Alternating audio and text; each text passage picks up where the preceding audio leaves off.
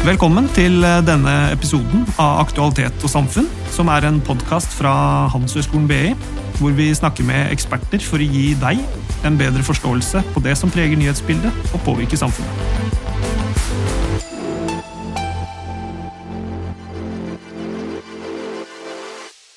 I dag er vi i studio for å snakke om aksjehandel, habilitet og innsidehandel. Mitt navn er Ole Petter Syre Sleite, og med oss i studio har vi Morten Kinander fra Institutt for rettvitenskap og styring, og Espen Henriksen fra Institutt for finans. Morten og Espen har i høst vært noe nær et tag-team og gitt sine komplementære faglige perspektiver på politikere og andre politisk sensitive personers aksjehandel, innsideproblematikk og habilitet. Velkommen i studio, Morten og Espen! Takk, takk. Tusen takk. Sakene om eh, habilitet har det siste halve året vært mange. I juli trakk Ola Borten Moe seg som høyere utdannings- og forskningsminister etter at det ble kjent at han hadde kjøpt aksjer for flere hundre tusen kroner i blant annet våpenselskapet Kongsberg Gruppen. Og I løpet av høsten gikk også Anniken Huitfeldt av som utenriksminister, hvor hennes habilitet i forbindelse med aksjehandel fra hennes ektemann er blitt stilt spørsmål ved. Til slutt har det vært betydelig oppmerksomhet og politisk støy rundt Sindre Finnes, statsminister Erna Solbergs ektemann, og hans aksjehandel. Det har også kommet frem at fremtredende byråkrater, bl.a. ved SMK, og avdeling for formuesforvaltning i Finansdepartementet har drevet utstrakt egenhandel. Og på toppen av dette kom det for kort tid eh, siden frem at det har skjedd gjentatte lovbrudd og skjult saksbehandling ved statsministerens kontor i tilknytning til Finnes sin aksjehandel. Disse sakene dreier seg om såkalt innsidehandel og inhabilitet. Kan dere aller først forklare hva innsidehandel og inhabilitet er, og hvorfor det potensielt er et problem? Skal vi starte med deg, Morten? Ja, eh, det, er jo et godt spørsmål, fordi de har jo blitt eh, Det er jo to sider av alle disse sakene her omtrent eh, i, i høst. Men, og, og de, de springer jo egentlig ut av samme type betraktninger, nemlig en interessekonflikt. Hvor den ene sitter på, sitter på, informasjon eller har interesser som andre bør få vite om, og, kan, og, og hvor de bør kunne ta stilling til dette her. Uh, så lenge det er skjult, så er man da i en, en, problematisk situasjon. Enten så kan det være inhabilitet, som gjelder for politikere, og, eller unnskyld, ikke for politikere, men for uh, regjering og beslutningstakere i forvaltningen. Eller så er det da for folk som handler aksjer øh, med informasjon som markedet bør få vite om, og at du da sitter i en helt annen type posisjon enn de andre som prøver å tjene penger på, på aksjemarkedet. Mm. Så øh, Det er egentlig to sider av samme sak, men det gjelder for to helt forskjellige grupper.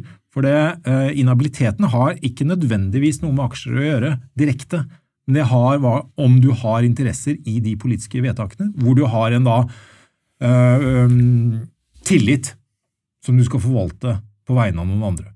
Men da kommer det forstyrrende elementer inn mm. som kan forstyrre den tillit, for utøvelsen av den tillit. Mm. Espen? Ja, kunne jeg forsøke å bare gi en økonoms hva skal jeg si, komplementære perspektiv eh, på juristen, så jeg tror måten vi tenker på det er at innsidehandel vil være den informasjonen man i kraft av den jobben man har, eller det embetet man, eller det man er valgt inn som, har informasjon som er kursdrivende, som er forut for selve kjøpet, eller eventuelt salget av aksjen hvis man shorter den. Eh, og hvor man da, hvis man da bruker den informasjonen som man da har fått i, i, fra jobben sin, eh, så vil man da misbruke sin stilling. Så dette er informasjon forut for, eller å tjene på forut for kjøp eller salg, mens habilitet er hvis man da eier noe, og man tar andre valg enn det man ellers ville gjort, for da igjen privatøkonomisk å tjene på det. Skiller de forskjellige sakene seg på noen systematiske måter? Uh, jeg vil si ja. Uh, fordi at hvis vi ser på slik som denne Ola Borten Moe-saken, som med alle forbehold om at han ikke hadde innsideinformasjon om dette salget av luftforsvarssystemer til Polen, som er et oppspørsmål, eh, hvor det ikke er åpenbart at han hadde innsideinformasjon men hvor han da faktisk gjorde noe som er veldig tett opp mot læreboka, som kanskje er ting vi ville ønske, i den forstand at han eh, kjøpte aksjer i tre ting som både er hva skal jeg si, bra for Norge, men også antagelig lå hans hjerte nær, som var våpen, Trøndelag og landbruk, altså Kongsberg Gruppen, Sparebanken Midt-Norge og Yara.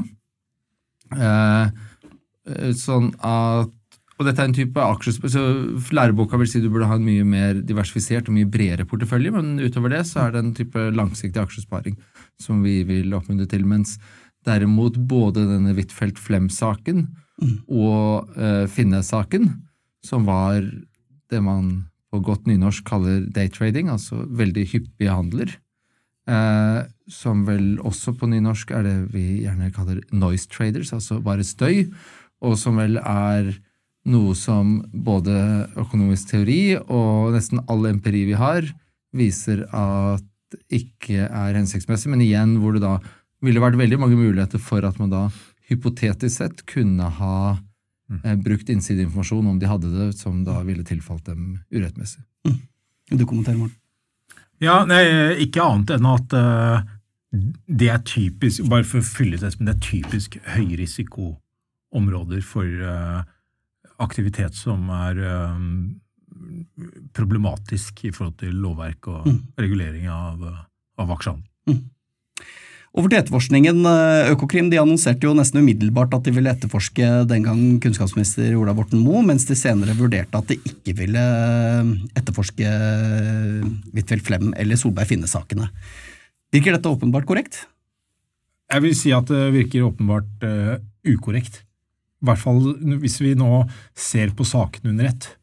For det er nå helt umulig å vite hva slags standard som skal gjelde for etterforskning eh, fra Økokrims side eh, overfor slike typer saker. Først så eh, sa de at eh, det var viktig å gå ut og etterforske Ola Borten Moe eh, av hensyn til tillit til demokratiet. Det skal jo Og da hadde han på det tidspunktet så hadde han da gått av. Men det skal jo da til, tilsi at det er en ganske lav terskel for å etterforske, som er lavere enn den som følger av straffeprosessloven til vanlig. Mm. Uh, så kom uh, Rett etterpå så fikk man jo da Anniken Huitfeldt og Flemme-saken i fanget. Og, uh, og, da var det en sittende utenriksminister. Men da var det ikke, da var, da var det ikke av hensyn til de, demokratiet viktig å etterforske. Tvert imot.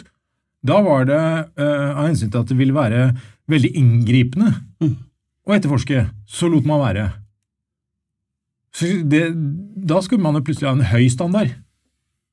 Og så eh, får man jo eh, den siste, kanskje den mest sånn betydningsfulle, eller i hvert fall den med, med størst enda større oppmerksomhet, Sindre Finne-saken.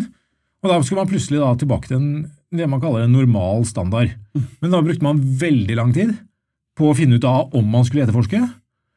Og eh, man, etter slik eh, straffeprosessloven er lagt opp, så er det problematisk.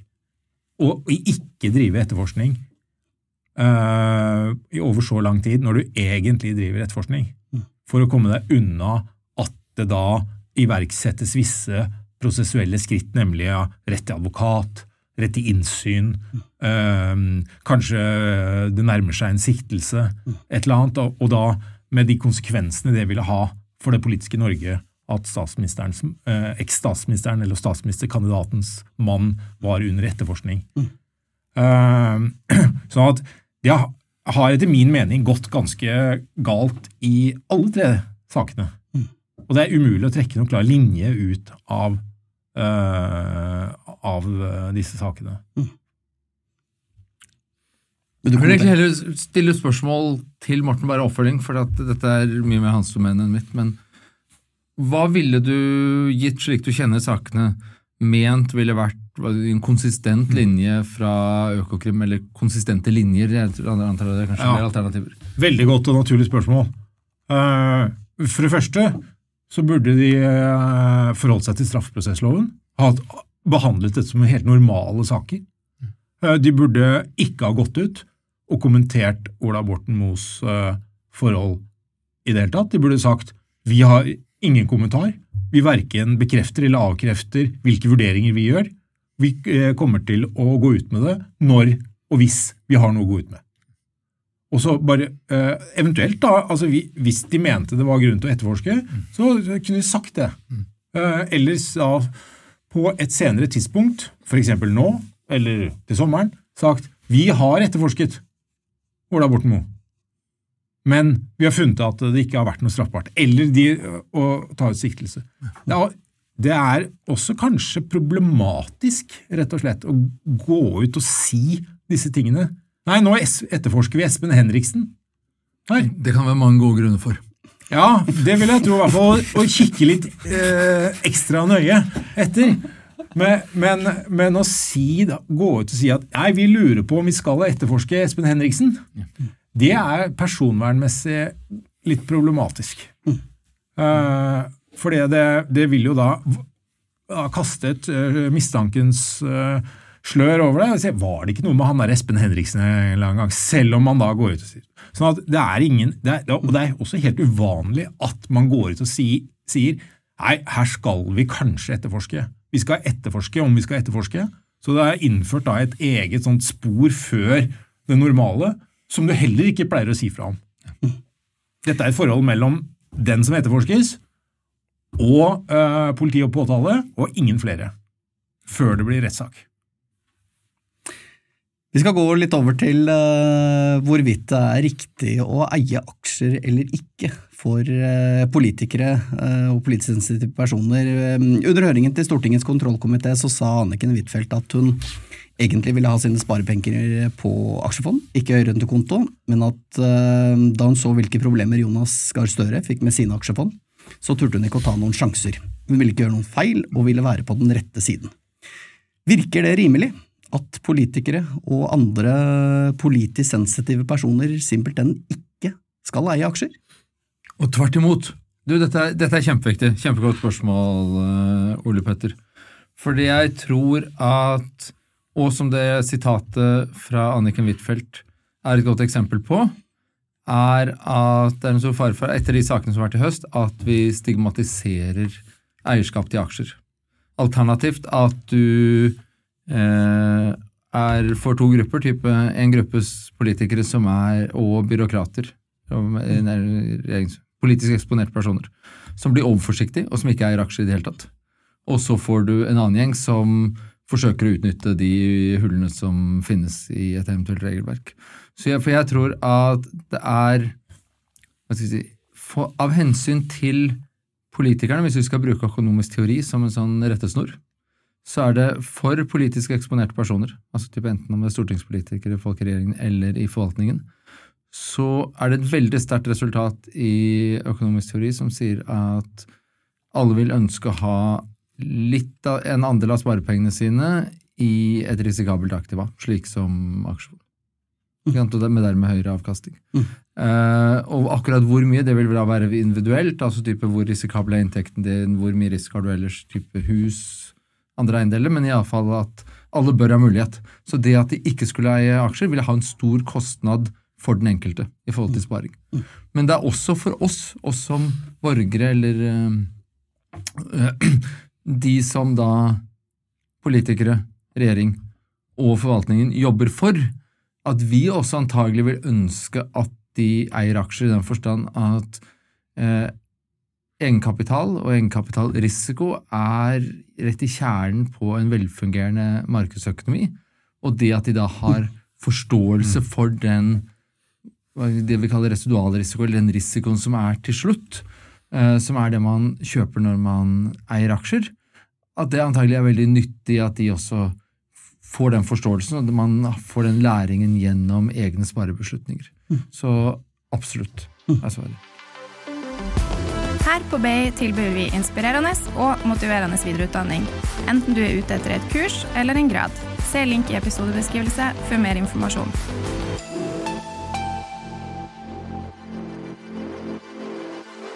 Eh, dere har jo skrevet en rekke kronikker det siste halve året. Dere var jo eh, tidlig ute allerede i august. Eh, men nå på Nei, Nå må fredag jeg komme med en Ja, korreksjon her. Vi har skrevet to. Og den første var i juli. Ja, den første den var i første juli. var i juli, og den siste var i desember. Så jeg synes vi har bare vi, har, vi var før og etter. ja. Veldig bra. Ehm, Vi er veldig enkle å ha med å gjøre. Ja. Veldig bra. Ja. Eh, Men nå på fredag så eh, la Stortingets presidentskap eh, nå 15. desember frem et forslag til innstramminger i aksjereglene til de folkevalgte. Eh, nei, stortingspresident, mener jeg, Gharahkhani han uttalte at sitat vi foreslår nå ganske omfattende endringer som betyr at det norske storting får det mest åpne registeret i hele Norden. Dere var jo raskt på banen og eh, skrev en kronikk eh, like i etterkant hvor dere trekker frem at regjeringen heller bør sette ned et lovutvalg for å utarbeide nye, klare og faglig forankrede regler for aksjekjøp av politisk eksponerte personer. Og om vi skal starte med blanke ark, hvilke faglige rammeverk har vi som vi bør tenke ut ifra da? Og hvordan bør et regelverk se ut? Bør det være en lov eller et tillitsbasert regelverk? Ja, eh, jeg vil først bare påpeke og skryte litt av oss selv, for at den eh, kronikken den lå ute på Dagens Næringsliv allerede fredag kveld. Eh, etter, bare noen få timer etter at dette var offentliggjort fra stortingspresidenten. Men jeg tror det som er viktig, og det som er egentlig er veldig problematisk, før vi kommer til i og for seg de rammeverkene, men det med forslaget fra Stortingets presidentskap, som egentlig er ganske paradoksalt. Så her har det vært flere saker som du snakket om innledningsvis, som virkelig har tatt all oppmerksomhet i media i nesten et halvt år. Eh, Som har, til tross for kanskje at ingen faktisk har beriket seg, i hvert fall av, de, av politikerne eller regjeringen, eh, så har det svekket tilliten til det politiske systemet. Og til tross for dette, så har vi da ikke, slik vi kan observere, fått noen skikkelig prosess i gang for hvordan unngå det, hvordan tenke systematisk på det, hvordan bør et regelverk være. Og så kommer det av dette fra Stortings, Stortingets presidentskap, som er type sånn litt vagt, ikke noe hvorfor vi bør eie aksjer, eh, hvorfor vi eventuelt ikke bør gjøre det, men bare åpenhet er bra. Og som igjen da, ikke sant, antagelig vil da sørge for at de som er litt skyggeredde, vil la være å kjøpe aksjer. Antagelig de som egentlig burde og hadde egentlig fortjent det. Mens de som har litt dårligere hensikter, eller litt dårligere, antagelig vil da finne noe smutthull nettopp pga. et sånt rapporteringsregime. Eh, men iallfall, hvis vi, det vi, Morten og jeg har snakket om og skrevet om, vi kan ta type, i hvert fall tre ting som vi kunne begynne med. Og Det ene var akkurat sånn som vi snakket om på det forrige spørsmålet. Det er både i vår og i stortingspolitikernes interesse, eller politisk eksponerte personer, la meg si, bare så at det favner mye videre, at man får lov til å eie aksjer. Det, men det får man da i dag gjennom brede aksjefond.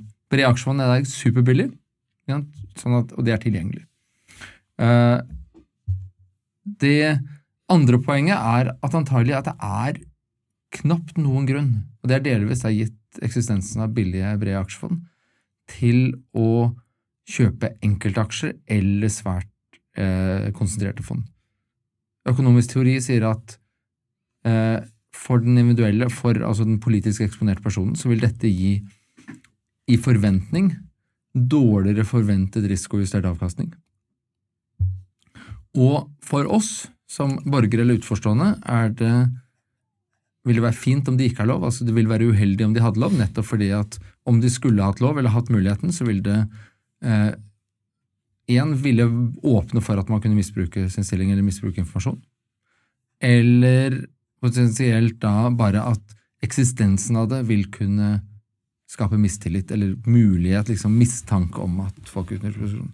Og det siste som Morten og jeg har påpekt, er at øh, det som vil være en avveining som ikke er helt klart, og det er at vi sier at kanskje man burde på, ha en ytterligere pålegg om at stortingspolitikere eller regjeringsmedlemmer og sentrale folk i forvaltningen burde bli oppfordret til bare å eie norske eller eventuelt nordiske brede aksjefond. Og det siste er ut fra den samme tankegangen om at man ønsker at eh, å skape mest mulig grad et interessefellesskap, altså disse sentrale beslutningstakere. Da hvis du har sparepengene dine eh, nett knyttet til de, eller utfallet av de beslutningene eh, du tar, så vil det kunne gjøre at du da står på litt ekstra, konsentrere deg litt ekstra om disse beslutningene, tenke litt mer på eh, hva som er bra for Norge og norsk økonomi, men da er det igjen en avveining for det som individuelt sett ville vært best for eh, disse politisk eksponerte personene ville vært å eie et, heller et globalt indeksfond, for det gir en bedre eh, forventet risikojustert avkastning. Morten? Ja, og, det, og dette er, er jo eh, noe vi har tenkt på som overordnede prinsipper. Og det er jo langt fra slik eh, systemet er i dag, og, og også slik systemet er i mange andre land. Hvis du ser på uh, USA, så er det en god illustrasjon på, på, viktigheten av dette regelverket, hvor undersøkelser viser at, at, at uh, politikere, altså kongressmedlemmer og, og, andre, gjør det så systematisk mye bedre uh, i aksjemarkedet enn andre flinke, profesjonelle folk. Og med den økonomiske teorien som eh, Espen snakket om, så er det egentlig kanskje bare én forklaring på hvorfor de gjør det. Det er ikke fordi de er finansielt uh, veldig uh, sofistikerte. Det er fordi de sitter for nærme beslutningene. Om det er innsidehandel eller ikke, det er ikke alltid så fryktelig relevant. Men mer at dette her er beslutninger som går utover den tilliten til disse menneskene. Hvis de blir styrtrike av å være politikere, så kan man jo lure på hva som er viktigst. Å være å gjøre noe godt for det landet du er politiker for, mm. eller å gjøre noe godt for deg selv. Mm. Så Da går liksom innsideregelverket og inhabilitetsregelverket litt sammen. Uh, og, det, uh, og, da tenker vi at vi skal da uh, at, at, dette her må utredes i mye større grad enn det det er blitt gjort. For det er ganske mange og vriene avveininger på hvem skal inkluderes. Ja, Byråkratene er også viktige her. ikke sant? Uh, hvor langt ned i systemet skal man? Uh, hvor langt ut i systemet? Ut til direktoratene og tilsynene og slike ting. Så det er jo ikke noe vi har tatt stilling til, men det bør gjennomgås systematisk i mye større grad, sånn som Espen påpeker. Uh, at det har tatt ganske mye av tid og ressurser for det offentlige Norge, mm. det, disse sakene i høst. Og, og, alt man gjør, eller har gjort, er å legge til noen sider i politisk håndbok. Mm. Etter hvert som krisene har endret seg, så har man lagt til nye sider som passer til de krisene som akkurat er, gjelder denne uka der. Mm. Det er for dårlig. Espen? Ja, fordi at akkurat det som Morten er inne på, at de erfaringene vi har fra USA, som viser at folk faktisk systematisk må ha beriket seg. Og hvilke systemer er det, hvor, Hvordan kan vi vite dette? her? Jo, fordi at de har ganske mye åpenhet om hvilke aksjer folk eier. Slik at akkurat nettopp den type tankegang som det er bare åpenhet, det er registre, så vil alt bli bra. Nei, det trenger ikke nødvendigvis å bli bra. Sånn det vi heller ville, kanskje skulle ønske, er at ok, hvis stortingspolitikere blir like fordi det går fenomenalt godt med Norge, det er helt greit. Men ikke fordi de sitter da og plukker enkeltaksjer Eh, fordi at de da sitter mye tettere i informasjonsstrømmen eller beslutningsstrømmen enn eh, andre personer. Mm. Eh, ikke alle aksjer er børsnoterte. Hva tenker dere om unoterte? Jeg tror vi Dette kan egentlig Morten bedre enn meg, men det jeg tror vi har sagt, er at det som har vært et argument er at Man skal ikke hindre at folk som eier aksjer, skal måtte selge dem. Sånn at, men, eh, sånn at det kan jo være ting som du bare ønsker å putte i et eller annet form for et depot, og det er igjen ting som eh, burde utredes eller vurderes grundig, akkurat hvordan man gjør disse praktiske vurderingene. og Det er bare i forlengelse av akkurat det Morten sier. Vi har forsøkt å bidra med noen tanker og prinsipper. Hva sier forskning, hva sier systematisk kunnskap om disse spørsmålene? Og så man, må man da ha et grundig arbeid som gjør hva skal vi si, tar det til praksis og gjør disse praktiske vurderingene, men iallfall mm. Alle slike regelverk uh, uh, har jo uh, unntak der hensynene ikke slår til. Altså, de, og det, det, sånn må det være. For ellers så blir, får man helt drakoniske resultater av et ellers ok regelverk som, som underminerer regelverket. Mm. og Eh, her er det jo ikke noe problem å lage en regel som sier at det er klart uproblematisk eller et eller annet, så kan man, kan man allikevel eh, få beholde, få beholde aksjene. Men, men, men, unoterte aksjer i prinsippet kan jo være like skadelig for en, for en eh, beslutningstaker sin habilitet som børsnoterte aksjer. Veldig bra, vi skal straks gå inn for landing. eh, Men i kjølvannet av denne, dette store temaet, så eh, er det jo noen som har hevdet at eh, det nærmest er en menneskerett å eie aksjer, og at et forbud mot handel i børsnoterte aksjer vil kunne gi dårligere rekruttering til politikken. Vi har jo for så vidt vært litt innom det, men eh, det høres jo umiddelbart tilforlatelig ut. Eh, Hvem har rett, og hvem tar feil? Vi har rett. Ja, og, de, og de tar feil. Eh, Eller, eller Nei, men spøk til side! Spøk, spøk til side.